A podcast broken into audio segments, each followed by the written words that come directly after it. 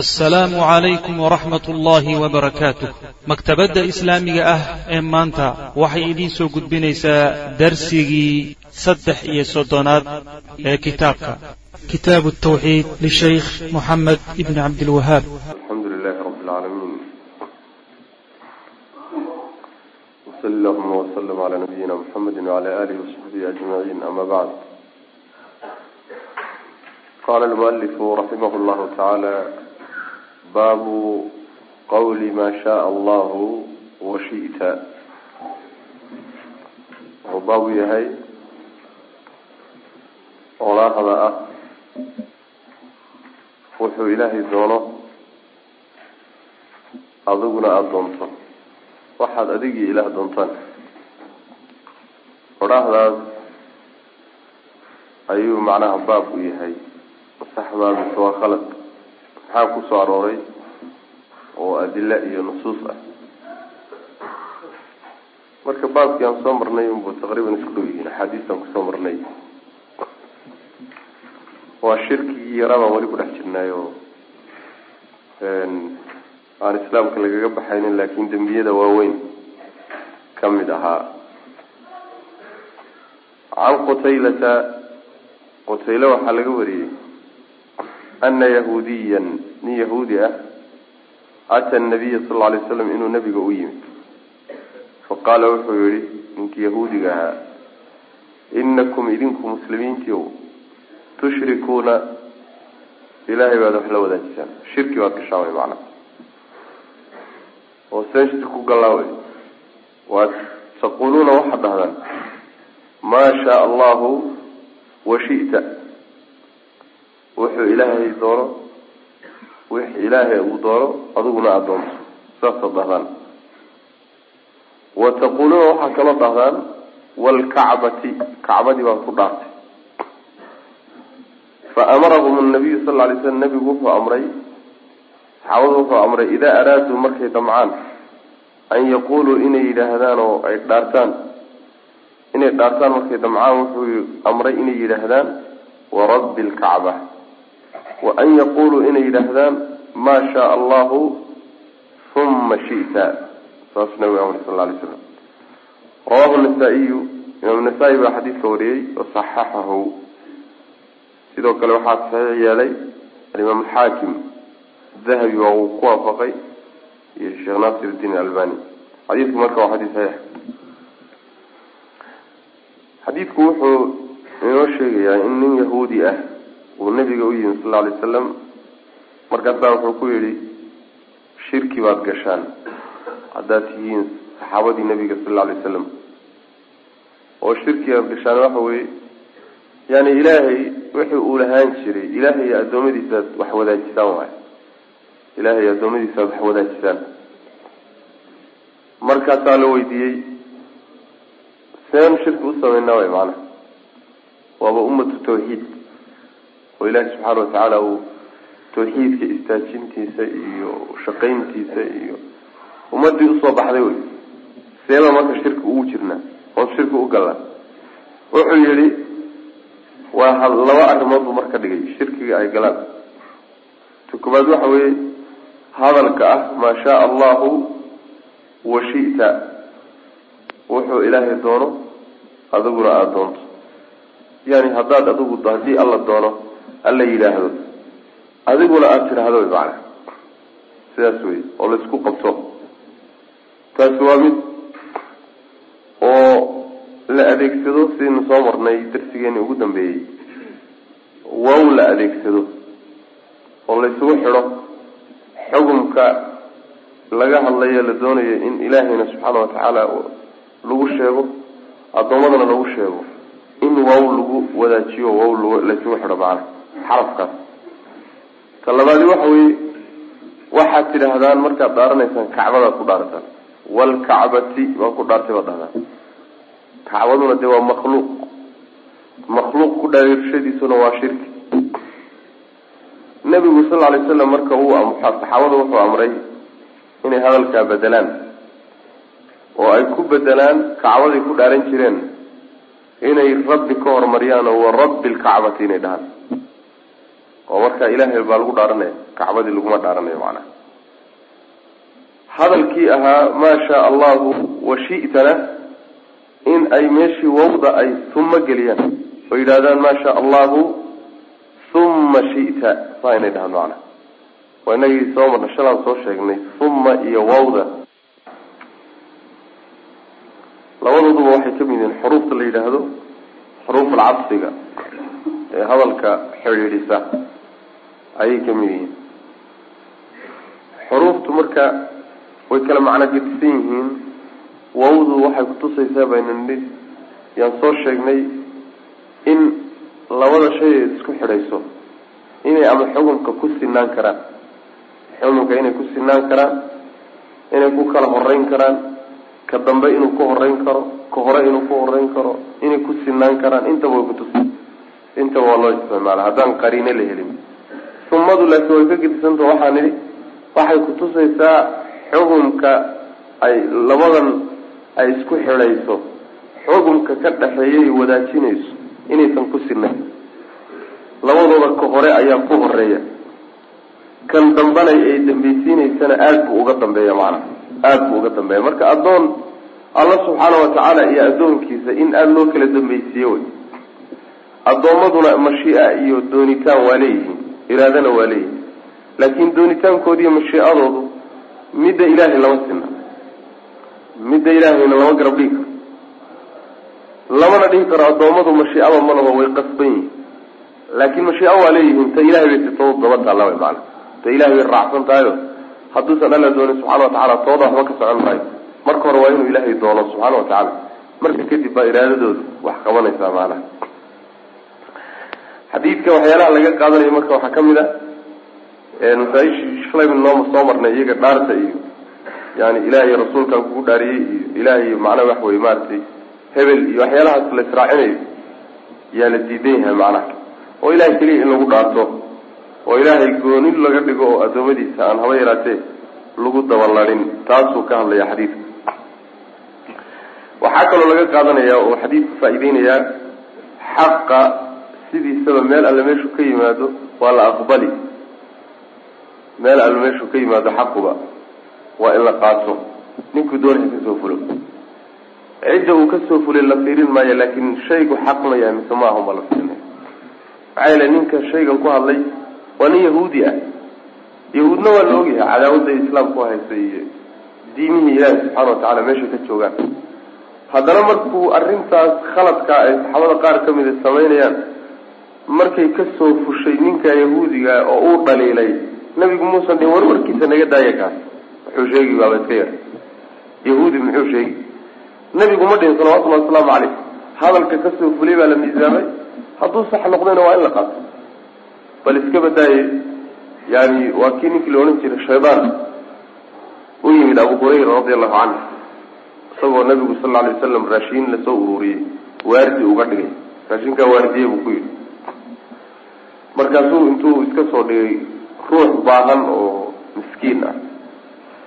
Yuu raashinkii wuxuu bilaabay in farqaha ku gurto. Waa shaydaan abu hurayra marka wuu qabtay. Wuu qabtay. Markaasuu yidhi maxaa tahay oo nebigan kuu geyn oo wuu baryotooy marka. Abu hurayra marka wuxuu moodaya iska tuuga caadi o raashinka inuu xado doonayay. Niyo iska kaysidaa bu nin saaxiib ciyaal aan ahay waan iska dhibaataysnahay dhib baa ii geeyay saa daraadeed faraha iga qad ha ii geynin nabiga sal alay slam waayahay buu iska sidaayay habeenkii labaad bu haddana sidii oo kale sameeyey. Wuu soo laabtay wuu soo gabaday wuu soo dhuuntay raashinkii yuu farax ku gurtay. Haddana wuu qabtay wuu baryey haddana wuu iska sii daayay habeenkii saddexaad buu yii walenaan ku sii daynin sa laba goor inaan sii daayo mar saddexaad soo laabtay. Sinaba ku sii dayn maayo waa in nabiga kuu geeyay salawatullahi waslamu caleyh markaasuu yihi niyahu yani waxna iga qaado iskana kaysiidaa waxaan wax weyn oo fiican baan ku bari oon kuu sheegay. Waxoogaga intaad iga qaadato faraha iga qaad. Muxuu ahaa bui bal sheeg maxaad maxaad miya waxaad ibarayso wuxuu yihi markaad seexanayso aayatul kursiga akri shaydaan kuusoo dhawaan maayo. Ma shaydaan baabaan sidii looga xirsi xidhan lahaa dadka baraya sidaa markuu yidhi oo abu hurayra u intaa soo qaatay uu iska sii daayay marka nebigu u yimi salawatullahi waslamu aleyh nebigu wuxuu ku yihi abu hurayra saddexdaa bay ninkii kugu soo noqonoqday ma garanaysa? Markaasuu yidhi ma garanayo shaydaan buu ahaa buu nabigu salawatullahi wasalaamu caleyh beenaalo way asalkiisa been baa lagu yaqaanaa. Laakiin markii uu ku yidhi aayatul kursiga ahso markaad seexanayso run buu ku sheegay buu nabigu uri salawatullahi waslamu caleyh u fiirsa marka shaydaan waxaa ka soo fulay kulligii waa wada sharci hala wada tuura laba dhe shaydaan hadduu wax xaqa ka soo fulo marmar buu iskaga hadlayn gaaro ku dhacday. Oo macnaha uu dan ku gaadhaye xaqi yaan loo tuurin oo looga tegin shaydaan buu ka soo fulay saas macnaha. Liana alxikmata daalat lmuslim xikmada sidiisaba waa ruuxa muslimka baadidiisa. Meel alla meeshuu ka helaba waa inuu ka qaasiyo ninka ka soo fusha macnaha. Cadaaladbay kutusi cadaalad bay kutusi can qutaybata waxaa kaloo laga qaadanaya cidda ciddu si kasta oo ilaahay agtiisa subxaana watacaala qiimo iyo qaaya ugu leedahay hawlaha ilaahay ma faragelin karaa subxaana watacaala mau faragelin karo ruux. Si kasta ilahay agtiisa qiimaha ugu lahaado rasuulkiisa ha noqdo kacbada ha noqoto maya. Laguma dhaaran kara macana saas. Can qutaylata qutayla waxaa laga warinaya ana yahuudiya min yahuudiya ata nabiya sal lay slam su'aal baa la isweydiiyaayo. Ayagii yahuudda ahaa shirki weyn bayba samaynayaan maxay tahay shirkiga yarkay saxaabada ku dhaliilayaan? Waxa weye macnaha maroodigu soomaalida waxaa tidhahdaa takarta saaran. Ma arko laakiin ka kale midda saaran buu arkaa. Marka yahuudi waa iska sidaas dhalil uun saxaabada iska dhaliilaa iskaga jirta laakin shirkiyaadkay ku jiraan iyo xumaantay ku jiraan ma mooga. Oo way ogyihiin inay shirkiyaadka waxay ku jiraan macana laakin kasbay isu dhagatiraya isu diidsiinayaan ana yahuudiya nin yahuudiya ata nabiya sal ly sl nabiga u yimi faqaala wuxuu yihi inakum idinku tushrikuuna ilaahay baad addoommadiisa la sintaan way macana oo seen ula sinaa wey taquluuna waxaad dhahdaan maa shaa allahu waxaad doonto wuxuu ilahay doono dhe maa shaa allahu wuxuu alla doono washita adiguna aada doonto. Ayib wataquluuna waxaad tidhahdaan idinkuna walkacbati wa taquluuna waxaa kaloo tidhahdaan walkacbati kacbadii baan ku dhaartay kacbadu waa ilaahay subxaana watacaala yani meelihiisa iyo dhulalkiisa meelaha ugu sharaf badan waay. Haddana laguma dhaaran karayo waxa ilaahay leeyahy lama siin karo si kastaa u sharaf badnaatee. Fa amarahum nabiyu sal alay slam nabigu marka wuxuu amray saxaabada wuxuu amray idaa araaduu haddii ay damcaan an yaquluu inay yidhaahdaan yani idaa araaduu haddii ay damcaan inay dhaartaan way macana an yaquluu inay yidhaahdaan warabbi lkacbati wa an yaquluu inay yidhaahdaan markay damcaan hadalkan oo kalena inay yidhaahdaan maa shaa allahu wuxuu ilaahay doono uma markaa kadibna shi'taniyaho aada dabcadoo doonto macna. Rawahu nasaa-iyu baa yaa wasaxaxahu wuuna saxiix yeelay. Wa ay walahu waxaa usugnaaday can ibni cabaasinna laga warinaya nasaa-i waxaa usugnaaday waay can ibni cabaasinna laga warinayaa ana rajula nin qaala inuu yidhi linabiy sal lay sl nabiga wuxuu ku yidhi maa shaa allahu washita waxa uu ilaahay doono adiguna aada doonto nebi allow yani haddaad adigu doonto hadduu ilaahay doono adma nebi oo aada doonto saasuu ku yidhi. Fa qaala wuxu uhi nabigu sal lay slam ajacaltanii ma waxaad iga dhigtay niddan mid la siman? Lilahi ilaahay miyaad iiga dhigtay niddan mid la siman? Ma ilahay baad i garab dhigtay. Bal maa shaa allahu qul waxaad tidhahdaa maa shaa allah wuxuu ilaahay doono waxdahu keligii xaal saasuu nabigu uri sal lay slam xadiidkaas isaguna waa xadiid saxiix xadiid cabdullahi bin cabbaas. Waa xadiid saxiixa isagana macnaha hadalkii isaga ahaayee saxaabada yahuudigu ku dhaliilhayay ayaa nin saxaabiyaaba nabiga u adeegsaday salawatullahi wasalaamu caleyh maa shaa allahu washita saasuu ku yidhi. Nabigu sal alay slam marka arrinta aada buu u diido wuxuu ka soo qaaday ilaahay subxaana wa tacaala in la garab dhigay. Saas way maanaa ilahay in la garab dhigay. Oo maa shaa allahu washita mashiicada iyo doonitaanka iyo iraadada in ilaahay loogula simay oo kaleetay taqriiban fahm noocaasay keeni kartaa wawdu saan soo sheegnayba. Marka rasuulku xaq buu leeyahay salawatullahi wasalaamu caleyh allana xaq buu leeyahay. Xaqa ilaahay uu leeyahay subxaana wa tacaala ma aha in rasuulka la siiyo sal alla alay wasalam xaqa uu leeyahay rasuulkuna in la duudsiiyo ma aha. Xaq uu leeyahay inta uu leeyahay in la siiyo wey ilahay siiyo subxana wa tacaala. Laakiin meeshiisii in laga kor kor looga qaado. Taa waya midda la diidan yahay macnaha yani in la yidhahdo masalan magan alliyo magan rasuul oo kaleeto. Magan alli iyo magan rasuul. Ama la yidhaahdo yaa allah iyo yaa maxamed oo kaleeto. Adagaysa masaajida qaarkood dhanka midigta yaa allahu baa ku qoran dhanka bidixna yaa maxamed baa ku qoran. Madaahibta iyo muuqaalada noocaas oo kale ee ilaahay iyo addoonkiisa isgarabdhig la isgarab dhigaya ay ka muuqato. Kulligood waa in la baabiyo in la zuuliyo waayo taa marka la leeyahay ma aha in nabiga salawatullahi wasalaamu calayhi meel lagaga dhacayo ma aha. In meel lagaga dhacayo maaha bal isaga yani tarbiyadiisii iyo dardaarankiisii iyo diintuu ka tegay baa saasa macna. Inaan ilaahay subxaana watacaala marna la garab dhigin rasuulkiisa salawatullahi wasalaamu garab dhigidaan ka hadlaynana ma aha inaad ictiqaadiso in ilahay rasuulkiisu siman yihiin. Taas xataa gaalada kama suuroobin gaaladu weligeed xataa mayna dhan ilahay macnaha waxa wey asnaamtanadu waa simanta laakiin garab waxaa noqonaysaa wax ilaahay leeyahay subxana watacaala oo gooni u ah haddaad rasuulka siiso salawatullahi wasalaamu caleyh ilahay baad garab dhigtay macana maxaa la isku haystaa saxaabadu ma waxay kula tahay inay siman yihiin ilaahayna awood buuxda leeyahay nebiguna awood buuxda leeyahay oo laba mashiico ay kala leeyihiin saa daraaddeed inay uleeyihiin maa sha allahu washita intaa waa ka fiqhi badan yihiin waa ka cilmi badan yihiin saxaabada nebigu salawatullahi waslamu caleyh arrintu marka saas ma ahe yani afka xataa afka xataa in uu ka muuqdo wax ku tusi kara ilaahay iyo rasuulkiisa inaad wuxuun ku sintay oo wadaajisay. Taasaa la diidanya macana ana rajula nin baa qaala nabiy sal lay sl nabiga wuxuu ku yihi maa shaa allahu wuxuu ilaahay doono washita adiguna aada doonto nebigo hadduu sinaan uu rumaysan yaho ilahay mashiicadiisi iyo ta rasuulku inay siman yihiin taasi waaba gaalnimadii weyneyd wey macana fa qaala wuxu uhi nabigu sal lay slam ajacaltanii ma waxaad iga yeeshay niddan? Su'aasha waa inkaar wey waa diido. Ajacaltanii ma waxaad iga yeeshay lilahi ilahay miyaad iiga dhigtay niddan mid la siman? Bal waxaa iska daayo ka baxay.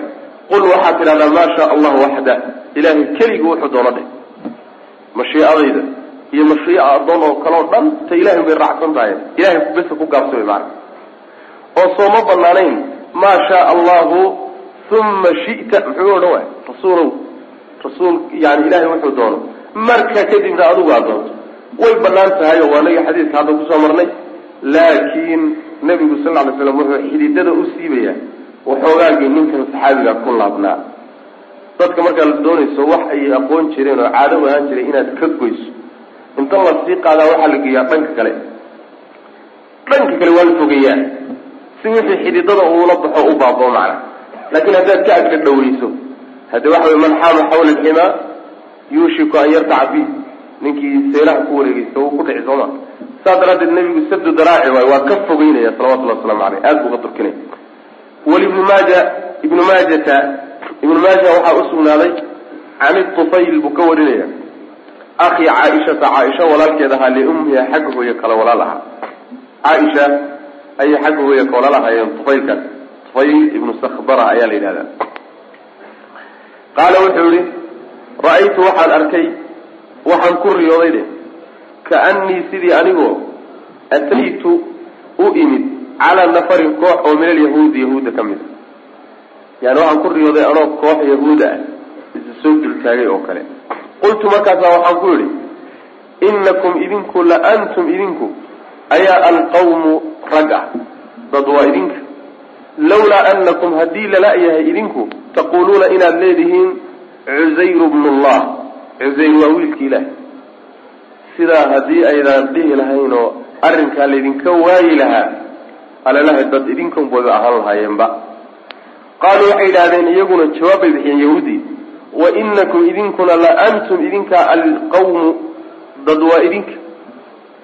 Lawlaa anakum haddii lala-yahay inaad taquluuna leedihiin maa shaa allahu wa shaaa muxammadun wuxuu ilaahay doono muxamedna uu doono. Hadalkaa haddii uu idinka madhnaan lahaa oo laydinka waayi lahaa dadnima idinka idinku ilaan lahayd way macana ayib.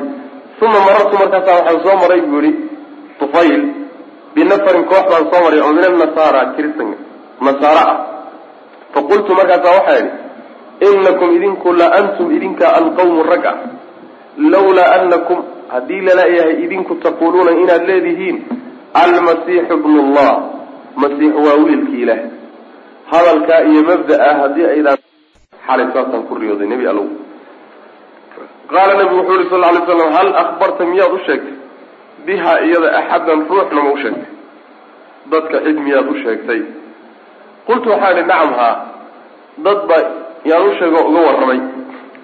Qaala wuxuu yihi saxaabigii faxamid allaha ilahay buu nabigu mahadiyey marka. Wa asnaa calayhi waana ammaanay. Yani wuxuu isu taagay nabigu inuu hadal jeediyo salawatullahi waslamu aleyh saxaabada u jeediyo. Mahadintaa iyo ammaantaasina waa hadalka furfurashiisa furfurashadiisa wey maana wuu ku bilowday uma qaala markaasaa nabigu wuxuu yihi salawatullahi wasalaamu aleyh ama bacdu intaa kadib fa ina tufaylan ninka tufayl la yidhahdo ra'a wuxuu arkay ru'ya riye ayuu arkay. Riyadaasoo akhbara uu warramay biha iyada man akhbara cidduu u warramay oo minkum idinka idinka mid. Riyadaasoo qaarkiin uu u sheegay wey macna. Wa inakum idinkuna qultum waxaad tidhahdeen kelimatan weedh ayaad ku hadl ku hadasheen ood ku hadli jirteen. Weedhaasoo kaana uu ahaa yamnacan yamnacunii mid uu ii diido kadaa wa sidaa iyo sidaa ayaa waxay ii diidi jirtay an anhaakum inaan idinka reebo canha xaggeeda. Weedh inaan idinka reeboon idiin diido. Ay iga hortaagnay shaygaa iyo shaygaasi uu iga hortaagnaa. Ayaad odhan jirteen. Ee falaa taquluu ha odhanina maa shaa allahu washaaa muxammadun joojiya wey. Walaakin quluu waxaase tidhaahdaan maa shaa allahu waxdah. Saa dhaha bu nabi uri salawatullahi waslamu caleyh xadiidku xadiidkii qutayla ayuu ku macno dhow yahay macnaha saxaabigan tufayl la yidhaahdo ayaa riyooday. Wuxuu ku riyooday isagoo koox yahuud ah u yimid. Markaasu wuxuu ku yihi niman yahuud dad baad ahaan lahaydeen. Dad kaleba dadka macnaha sad baad la dheeraan lahayd waad ka sidan lahaydeen.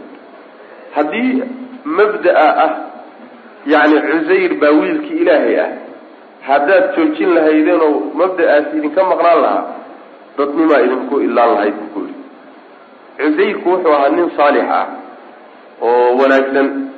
Waxaa la isku khilaafsan yahay ma nebi buu ahaa mise ma ahayn. Laakiin nin saalixa inuu ahaa baa la isla ogolyahay. Dadka markaa ay ku xadgudbeen oo qulwiga ku sameeyeen buu ka mid ahaayo ay odhan jireen wiil ilaahay wey macnaha yahuuddu saasay odhan jireen. Wa qaalat alyahuudu cusayrun ibn llah waata ilahi subxana wa tacala uu yihi marka mabda'a baatilka haddaydaan rumaysnayn lahayd lahay haddaynaan rumaysnaan lahayn dad baad ahaan lahaydeen way macnaha laakiin waxaa idin kharibay oo dad idinka reebo qeyrkiin idinka reebay waa mabda'a xunkaas wey way u jawaabeen waxay leeyiin idinkuna rag baad ahaan lahaydeen dad baad ahaan lahaydeen. Haddii aad dayn lahaydeen maa shaa allahu washaaa muxammadun ilaahay iyo maxamedkan aad ku garab wadaan haddaad kala dayn lahaydeen dad baad ahaan lahaydeen maana saas way maana oo si kale laysuguma garab wadee ilaahay doonitaankiisa iyo doonitaanka muxamed maxaad isugu ladhaysaan oo isugu daba xidhaysaan? Saas ilahay subxana watacaala doonitaankiisa yani waxa wey addoommada doonitaankooda layskuma daba ladho weliba qaabkaad isugu daba ladhaysaan waa qaab aydan kala muujinaynin inta ilaahay ay ka horayso ta nebiguna ay raacsan ee waqabay ka muuqato simid aada simaysaan macna. Saas wey oo wawda la adeegsanaya ayaa macnaha faa'ideynaysa haddana waxaan soo maray bu ihi qoladaa markaan soo dhaafay qola yahuud yani nasaara. Markaasaan waxaan ku yidhi bu ihi dad baad ahaan lahaydeen. Haddaad iska dayn lahaydeen hadalka ama mabda oo ah mabda'a ah almasiixu ibnullah masiix baa ilaahay wiilkiisii ah macnaha ciisa wiil ilaahay ah. Haddaad dayn lahaydeen dad baad ahaan lahaydeen.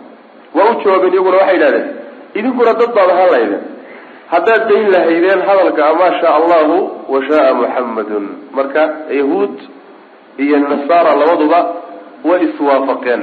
Oo saxaabada nabiga sal alay waslam iyo muslimiinta waxay ku dhaliilayeen. Hal mid bay noqotay. Waa hal weyn. Ayaga waxa lagu dhaliilaya waa gaalnimadii weynayd waay. Bal waa aflagaadiyeeda darro waay. Anshuxuma ilahi subxana watacala ay kula kacayaan waay. Ayaguna dhaliishay saxaabada u soo jeediyaan waxa weeye waa shirkigii yaraa waay. Shirkigii asqarka ahaa oo maa shaa allah wa shaaa muxamadun ah. Ayib markaa waa beriistay arrinka habeennimadii markaan ku riyooday yaan waabarkii nabiga ula imid buri salawatullahi waslamu caleyh yani saxaabada horta uu sheegay bui qaar ka mid oo is aragnay. Yaan riyadii u sheegay kadib baa nabigu uyimi sal lla alay waslam markaasaan u sheegay saasaa nebigu arkay. Nebigu sal lla alay waslam marka wuxuu weydiiyey cid iiga horreysa ood u ma jirtaa. Waxaa laga yaabaa inuu nabigu doonayay sal lla alay wasalam inuu intuu inuu yidhahdo ha sheegin ha sheegin oo riyadaas shibka dha inuu yidhaahdo inuu dhihi lahaa baa laga yaaba hadduusan cid kale u sheegin macana saa inay su'aashu udhacayso waa suurtagal. Markaasaa waxaa idhi bu uhi nebigu haa dad baa iga maqlay oo hadda ka hor aan u sheegay intaana ku imaanin. Markaasuu nabigu sal alay slam dadka la hadlay. Ilahay buu mahadiyey kadibna wuu ammaanay. Sida caadadiisa ahan jirtay markuu hadalka bilaabay. Markaasaa nebigu wuxu uhi sal lay slam intaa kadib dhufayl ninka la yidhaahdo riyuu arkay xalay riyadaana qaarkiin wuu u sheegay oo qaar idinka idin ka mida wuuba u sheegayba hadal waxaad dhihi jirteen buu yihi hadalkan yahuud iyo nasaara ay idinku dhaliilayaan eed odhan jirteen hadalkaa isaga ah oo uu ii diidi jiray inaan idinka reebo kada wa kada saa iyo saasaa ii diidi jirtay. Macnaha su'aasha meesha taalla waxay tahay hadalkani haddii uu xumaa oo maa shaa allahu wa shita ah ama maa shaa allahu wa shaaa muxamadun ah haddii uu xumaa muxuu nabigu salawatullahi wasalaamu aleyh saxaabada ugu diidi waayey maxaa waa hore loo reebi waayey intayna yahuud iyo nasaaro iyo arrintu aynan kaba imaaninba. Maxaa loo diidi waayo nabigu u reebi waayo sal alay waslam nabigu marka wuxuu yihi waxaa ii diidanaa kada wa kada. Saa iyo saasaa ii diidanay. Saa iyo saas ayaa ii diidanay. Saa iyo saas ibhaamkaasa xadiid ku soo arooray.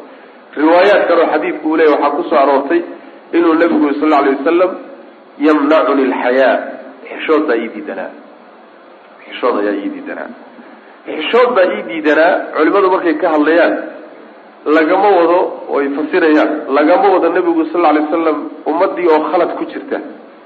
Khaladkaas inuu kala hadlo xishood uu ka xishoonayo ma aha marnaba maxaa yeelay waxa loo soo dirayba saas ahaba muhiimada loo soo dhibay wuxuu ahaa inuu dadka wax gaadsiisoma oo khalad ka soxo xishood oo xaq la sheego laga xishoodana xumaan la saxo laga xishoodana munkarkoo lala dagaalamo laga xishoodana waa fulaynimo ee xishood ma aha xishoodkii saxdaa maaha magac xishood waa un layska siiyey mooyaane waa fulaynimo waay. Marka nebiga salawatullahi wasalaamu aleyh sidaasi kama dhicin xishoodku xaggee ku wajahan yaha marka. Nebigu wuxuu ka xishoonaya salawatullahi wasalaamu caleyh shaygan oo xagga ilaahay aan ka imaanin oon ummadda laga reebin weli waxay ku soo degin. Inuu kala hadluu diidanaa saas maana shay aan weli imaanin oon ilaahayba ka hadlin oo nabiga la dhihi salawatullahi wasalaamu caleyh waa khalade baraaruji.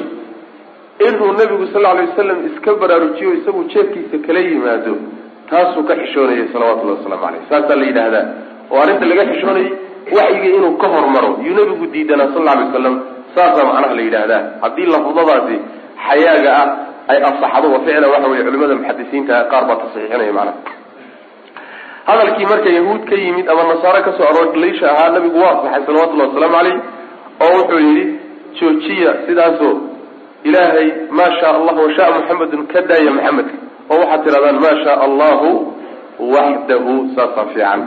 Haddaad ka maarmi weydo day weydana waxaad tidhahdaa maa shaa allahu uma shita saas way maanaa hadda markaan markuu nabigu geeriyooday salawatullahi wasalaamu caleyh lama dhihi karo maa shaa allahu uma shaaa muxamedun hadda markuu geeriyooday xataa tuma lama adeegsan karo nabiga salawatullahi waslamu caleyh maxaa yeelay waagaas waxa saxaabadu ay hadalkaa uleeyihiin nabiga waxay ka rabaan salawatullahi wasalaamu caleyh wuxuu awoodi karo oo nolosha intuu noolaa uu awoodi karo masalan xoolaha uu gacanta ku hayo o kaleeto haddaad nebiyo hadduu ilaahay ila doono adna aada ila doonto waa wax markaa uu awoodi karo nebigu gacanta ku hayo salawatullahi waslamu caleyh waana noolaa mashi uuna lahaa nebigu iyo iraada markaas. Laakiin markuu geeriyooday kadib oo qabri ka hoos maray ilaahay subxaana wa tacaala maa shaa allahu waxdahu umaa la odhanaya macnaha haddii ruux kale oo nool hadda aada doonaysa inaad ku dabaqabatana uma isticmaal ee wawha isticmaali way maanaa bishardi waxaa ah ruuxaasi waxa aad yani waxa weeyaan aad aad xukunka aada siinayso iyo hadalka aada ujeedinayso wuxuu awoodi karo waa inuu yahay wuxuu awoodi karo oo binu aadamka nool uu awoodi karo waa inuu yahay. Saasa macnaha shardiga. Ra'aytu waxaan arkay buri waxaa laga qaadanaya marka qisada. Qisada waxaa laga qaadanaya. Hale laga faa'idaysanaya waxaa ka mid a yani riyadu mar bay noqotaa. Riyadu mar bay sabab u noqotaa sharciga. Waxyaalo badan axkaam badan oo sharciga jidayntooda riyaa sabab u noqoto tan oo kaleeto masalan waxaa kaloo sabab u noqotay oon xusuusnahay aadaanka aadaynka jidayntiisa cabdullahi ibnu zayd saxaabigii la odhan jiray ayaa isagana ku riyooday isagoo saxaabada ku wareereysan yihiin ridwan ullahi calayhim oo sidii la dhihi lahaa loo aadaami lahaa o salaada laysu ogeysiin lahaa ayuu ku riyooday. Markaasuu nabiga u yimi salawatullahi waslamu aleyh sidii baa marka isagana lagu taqriiriyey. Waxaa la mid a sidoo kaleeto nabiyullahi ibraahim calayhi salaam khaasatan nebiyada ambiyada iyaga riyadoodu waa waxyi waxyi waay iyagoo yani soo jeeda iyagoo loo waxyoodo malag u yimid oo kale ka dhiganta. Maxaa yeelay shayaadiintu sidoodaba malaa'igta waxaan u jeedaa shayaadiintu rususha ilaahay kuma ciyaaraan qarow iyo yani wax xulma haba yaraatee kuma keeni karaan. Laakiin banu aadamka intiisa kale riyadiisu runna waa noqon kartaa beenna waa noqon kartaa. Wax shayaaiin talaacubu shayaaiinna waa noqon kartaa wax malaa'ig ka yimidna waa noqon karaa marka sidaa daraaddeed banu aadamka intiisa kaleeto hadduu wax ku riyoodo waxa uu ku riyooday haddii waxyigu uusan sugin oo nebigoo markaa noolaa salawatullhi wasalaamu caleyh uusan odhanin oo ogolaanin waxyi ma ah. Sharcina ma ah.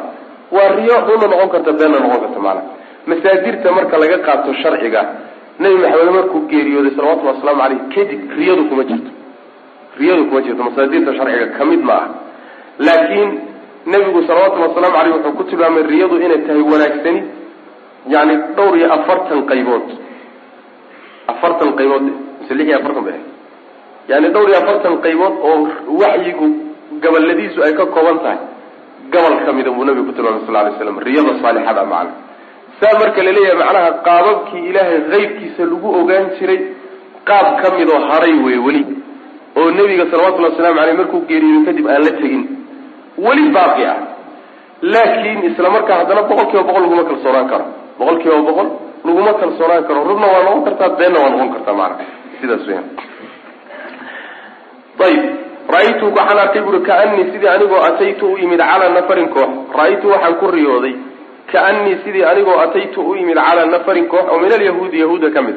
Qultu markaasa waxaan ku uhi inakum idinku la antum idinka unba alqawmu dad ah lawlaa anakum haddii lalaayahay idinku taquuluuna inaad leedihiin cusayrun cusayr ibn llahi wiil ilahay wey wiil ilahay inaad u samaynaysaan haddayna jiri lahayn wey qaaluu waxay yidhahdeen wainakum idinkuna muslimiintiiw la antum alqawmu dad idinka weye lawlaa anakum haddii lalaayahay idinku taquuluuna inaad leedihiin maa shaa allahu washaaa muxamadun wuxuu ilaahay doono maxamedna doono kala daaya wey labadaas isma qaban karaan. Uma marartu markaas haddana waxaan soo maray binafarin koox oo min annasaara nasaara. Faqultu waxaan idhi inakum idinku la antum idinka alqawmu rag ah. Dad waa idinka. Lawlaa anakum idinku taquuluuna inaad leedihiin haddii lalayahay almasiixu masiix baa ibn llahi wiil ilahay qaaluu waxay idhahdeen wainakum idinkuna la antum idinka alqawmu dad ah. Lawlaa anakum haddii lalayahay idinku taquuluuna inaad leedihiin maa shaa allah washaaa muxamadun falamaa asbaxtu markaan waa baristay baan akhbartu waxaan u sheegay biha hadalkii yahuud iyo nasaarana dhex maray. Man akhbartu ciddaan u sheego saxaabada ka mid. Uma markaa kadibna ataytu nabiya sal lay sl nabigaan u imid faahbartuhu markaasaan u sheegay hadalkii qaala nabigu wuxu yhi sal lay slam hal akhbarta ma u sheegtay biha iyada axadan ruuxna qultu ihi nacam haa rag saxaabada ka mid aan hadda kahor u sheegay qaala wuxuu yihi faxamid allaha alluu mahadiyey nebigu wa atnaa caleyh wuuna ammaanay uma qaala wuxuu yihi ama bacdu intaa kadib fa ina tufayla ninka tufayl la yidhahdo ra'aa wuxuu arkay ru'ya riye ayuu arko ku riyooday riyadaasoo akhbara uu u warramay biha iyada man akhbara cidduu u sheegay oo minkum idinka idin ka mid wainakum idinkuna qultum waxaad tidhahdeen saxaabadiiyo kelimatan hadal. Weer ayaad ku hadasheen waa weedhii maasha allah washaa maxamedun waay kelimatan hadal ayaad ku hadasheen. Hadalkaasoo kaana uu ahaa yamnacunii mid uu ii diido. Kada wa kada saa iyo saasaa ii diidanay an anhaakum inaan idinka reebo canha xaggeeda inaan idinka reebo waxaa ii diidanayd xishood aan ka xishoonayo inaan waxyiga ka hormaro.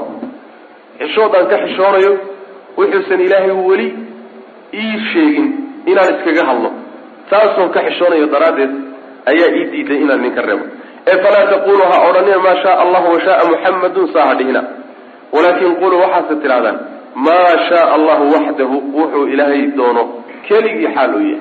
Oon addoommadiisa midna la garab dhigaynin laguna dabalanaynin macna. Fiihi masaa'il baabkan masaa'il baa ku jirta. Alula masalada koowaad waxa weeye macrifatu lyahuud yahuud garashada ay garanayso bishirki lasqar shirkigii yaraa bay garanayaan. Ka weynna way yaqaanaane yahuud shayga ugu weyna ilaahay uu ku eedeeyey subxaana wa tacaala waxa weeye nimankoo cilmi la'aan ma hayso marnaba jahlina ma hayo garasho la'aan ma hayso. Laakiin ayagoo wixii garanayay kas u derderayaan macnaha kas bay sharciga u garamarayaan saasaa lagu eedeeyey. Athaaniyatu masalada labaadi waxa weeye fahmu linsaani insaankii inuu fahmo inuu fahamsan yahay inuu wax fahmaya insaanka fahamkiisii oo inuu wax fahmi karaa idaa kaana haddii uu ahado lahu isaga hawan hadduu hawalay. Yani insaanku haddii meel ay uga caddahay oo uu muqararaad hore iyo waxyaala hore meel dhigtay oo mabda hore isku qanciyey. Haddana inuu qaabku wax u fahmi kariyay inuu wax fahmayo ayaa xadiidka laga qaadanaya. Oo seebuu wax u fahmiy macnaha fahamka uu nusuusta fahmayahay waxa uu ka dhigayaa mid loo luqunjibaado oo loo leexiyo kolba naftiisu say jecesha hawada waxaa la yidhahdaa mil yani adyaanta iyo mabaadi'da batilka hawa la yidhahda hawada waxaa la yidhahdaa naftu wax walbay jeceshahan hawa la yidhahda waxaa laga wadaa halkan ruuxa mabaadi' hore iyo afkaar hore isku qanciyey fahamka iyo qaabka uu diinta u fahmayo. Oo waxa weeyaan wuxuu u qalloocinayaa diintii dhan iyo aayadihii iyo axaadiistii wuxuu u qalloocinayaa si waafaqsan isagu markii hore suu ku qanacsanaa. Saas way maanaa sidii isagu ku qanacsanaa buu doonayaa inuu u luqul xidho oo u laabo nusuusta.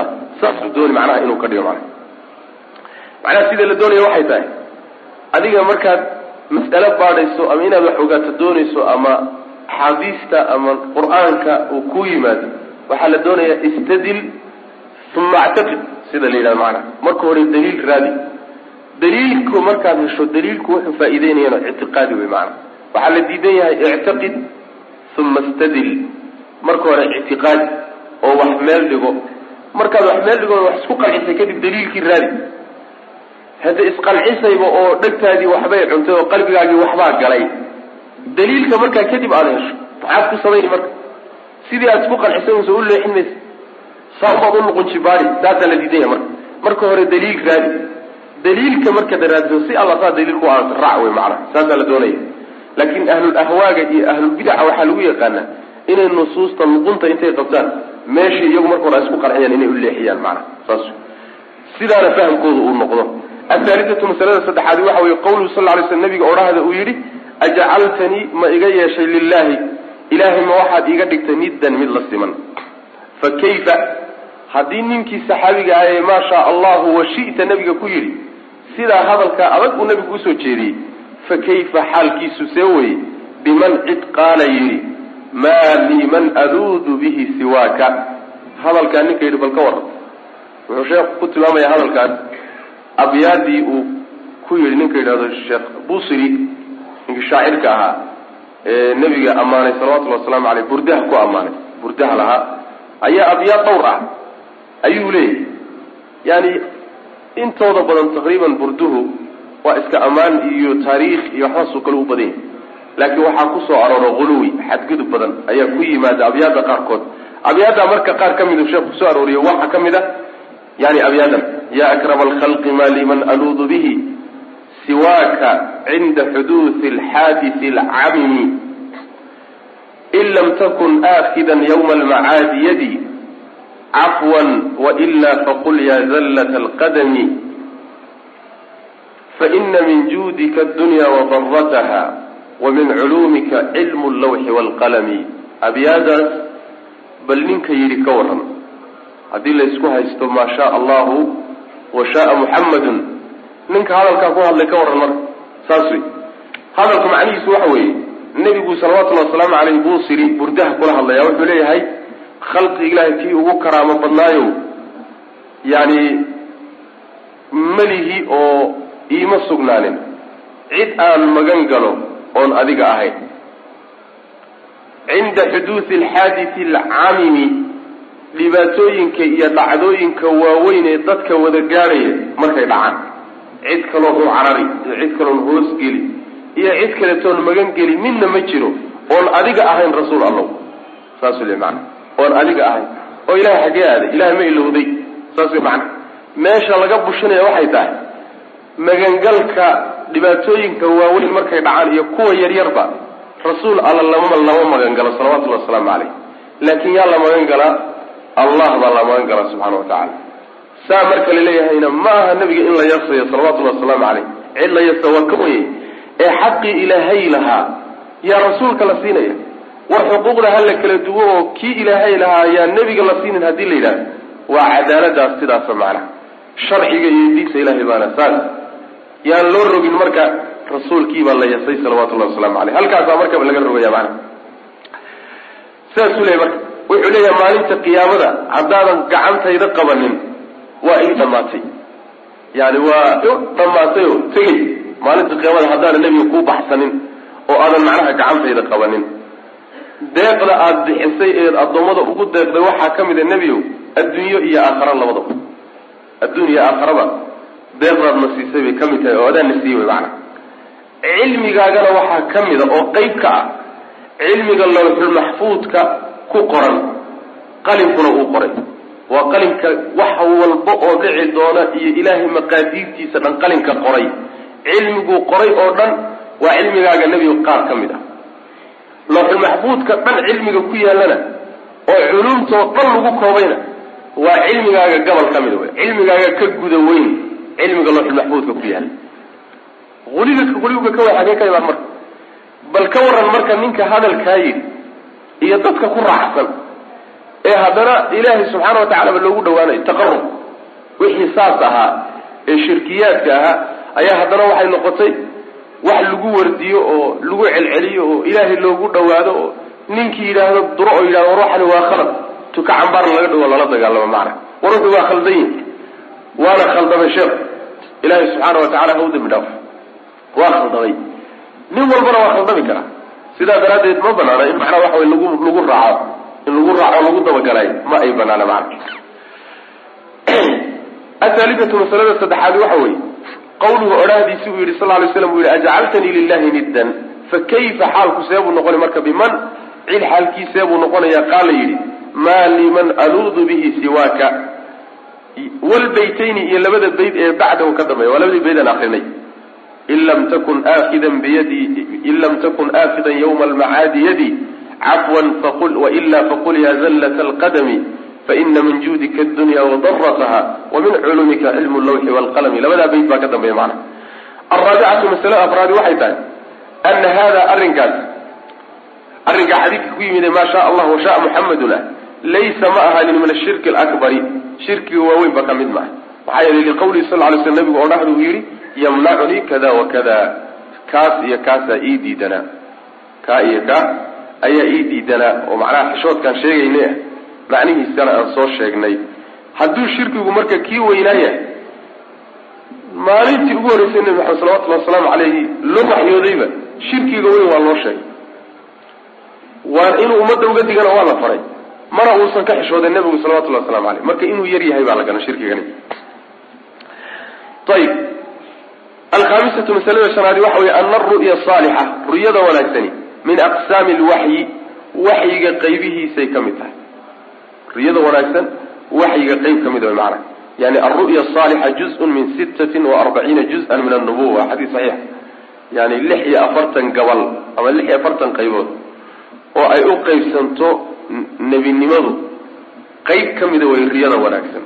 Riyada wanaagsan malaa'igtaa keenta oo malaa'igta sheeko ay dadka u sheegto waay riyada xun ee qarowga u badan ee ama waxay sheegayso uu xun yahay ama ma ahee yani aanan nadaamsanayn oo ruuxu qaabkii u arkay uusan yani waxa way siday ahayd u sheegi karayn ee isku dhex daadsan. Riyada noocaas oo kaleetana shaydaan bay ka timaadaa shaydaan baa asal waa macnaa sida xadiiska nabiga kusugan salawatullahi waslamu caleyh marka riyada wanaagsantaa midda noocaasa waa nebinimadii gobol ka mida waa nebinimadii gobol ka mida macnaha waxa weeyaan yani qaabka nebiyada loogu waxyoodo ayaa gaballo fara badan ah gobol ka mida wuxuu ahaa gobol ka mid a ayaa wuxuu yahay riyadaas loo riyoonayo yani waxa wey ay nebiyadu riyoonayaan waxay ku riyoodaanna marka waxyi buu noqonaya qaababkii marka nebiyada loogu waxyoon jiray qaab ka mida weeyaan macna. Waxaa kaloo culimada ay ku fasiraan. Nebiga salawatullahi wasalaamu calayhi intii uu waxyigu ku socday oo uu nebiga ahaa oo dadka wax u sheegayay meeqa sanay ahayd saddex iyo labaatan sano soo ma ahay saddex iyo labaatan sano. Saddex iyo toban sanana markuu joogay toban sanana madiinuu joogay nabigu sal lla lay slam saddex iyo labaatankaa sanuu nebi ahaa saddex iyo labaatankii sano lix bilood oo ka mid ah waa lixdii ugu horreysay nebiga salawatullahi wasalaamu caleyh qaabka wax loogu sheegay riyay ahayd. Riya wax loogu sheegay. Riya loogu waxyoon jiray. Riyuu wax ku arki jiray. Markuu seexdo. Lix bilood saddex iyo labaatan sano maxay ka tahay marka? Waxay ka tahay yani waxa weeyaan lix iyo afartan qaybood marka loo qaybiyo gobol ka mida leanna waxa wey waxaad labalaabaysaa matalan saddex iyo labaatan sano. Markaad lix lix bir sanadkiiba laba qaybood uqaybiso laba ku dhufo meeqa waay waa lix iyo afartan waay saddex iyo labaatan markii laba lagu dhufto ila sanadkiiba laba u qaybsamaya lix iyo afartan waay lix iyo afartan gabal oo nebiga nebinimadiisu ay ahayd gobol ka mida oo lix bilood ah ayaa nabigu salawatullahi wasalaamu caleyhi riyo loogu waxyoon jiray macana sidaana culimadu waa ku fasira oo waaqic way iyado lafteedu macana ayib asaadisatu masalada lixaadi waxay tahay annaha riyadaas qad takunu inay ahaataa laga yaabaa sababan sabab inay unoqoto lisharci bacdi alaxkaam. Axkaamta qaarkood jidayntooda waa kuwaan sheegayna macana sida xukumkan oo kale jidayntiis sabab bay unoqotay aadaanka oo kale sabab bay unoqotay nabiyullaahi ibraahim oo kaleeto calayhi salaam waa kii riyada loogu waxyooday macnaha oo wiilkiisi ismaaciil gawraciisi riyuu ku arkay. Marka nebiyadu iyaga waa riyadoodu macnaha waxay weye dadka intiisa kalena yani riyadu hadday saalixa tahay oo ay wanaagsan tahay oo ay mala ka soo fushay waa qeyb nebinimadii ka mida macnaa gobol nebinimadii ka mida taa macnaheedu maaha ruuxii riyada arkaba nebi buu noqonaya nebi laguma noqdo riyo kasta oo ruuxi uu ku riyoodana waxyi ma noqoto. oo sida sharciga oo kale looma ictimaado sida macnaa wadaadada qaarkood ay yidhahdaan oo kaleeto. Yani aad ba hadda loo isticmaala wadaad magaalo jooga wuxuu waxaan ku riyooday sidaa iyo sidaa kay dhici doonaan. Haye haddaad ku riyoodayna. Ma nin riyooday baad ka gedisanta haddaan riyooday saas iyo saasaan ku riyooday waa in saas iyo saas la yeelo. Markaasa waxaad yaabaysaa waxa la samaynaya xoolaa la qali. Abaara inay dhacayaan baan ku riyoode sidaa daraaddeed waa in xoolo la qalo oo la ducaysto. Markaasaa xoolaha iyo waxa la ururinahaya iyo sheekh hebel baa ii yimid o hade halaysoo siyaartuu yidhi halaysoo xuso haddii kale balaayaa dhici markaasaa waxa la ururinahaya iyo siyaaradii nebigii baan arkay salawatullhi wasalaamu caleyh siyaaradaydii maxaa loo halmaamay buu yihi markaasaa xoolaa la ururin oo nebigii baa la xusayaa baa lagu leeyay hor nebi maxamed salawatullahi wasalaamu caleyh masaakiin wax laga soo ururiyey intuu noolaa buu diiday soo saa uma ogidi intuu noolaa nabigu salawatullahi wasalaamu aleyh muuse qaadan jirin sadaqada ma qaadan jirin aalubeytkuna mayna qaadan jirin. Ma markuu geeriyooday kadib baad masaakiinta wax uga soo ururaysaan oo haweenta jeebkooda u soo furfuraysaan macnaha shilimada ku jira miya. Maxaad nabiga meel ugaga dhacaysaan salawatullahi waslamu caleyh hada wabilahi tawfiq sala allahuma wasalam cala nabiyina muxamedin wala alihi wasaxbi wasalam walaalayaal darsigaani halkaas ayuu ku eg yahay. Allah tabaaraka wa tacaala waxaan ka baryaynaa inuu nagu anfaco assalaamu calaykum waraxmat ullaahi wabarakaatuh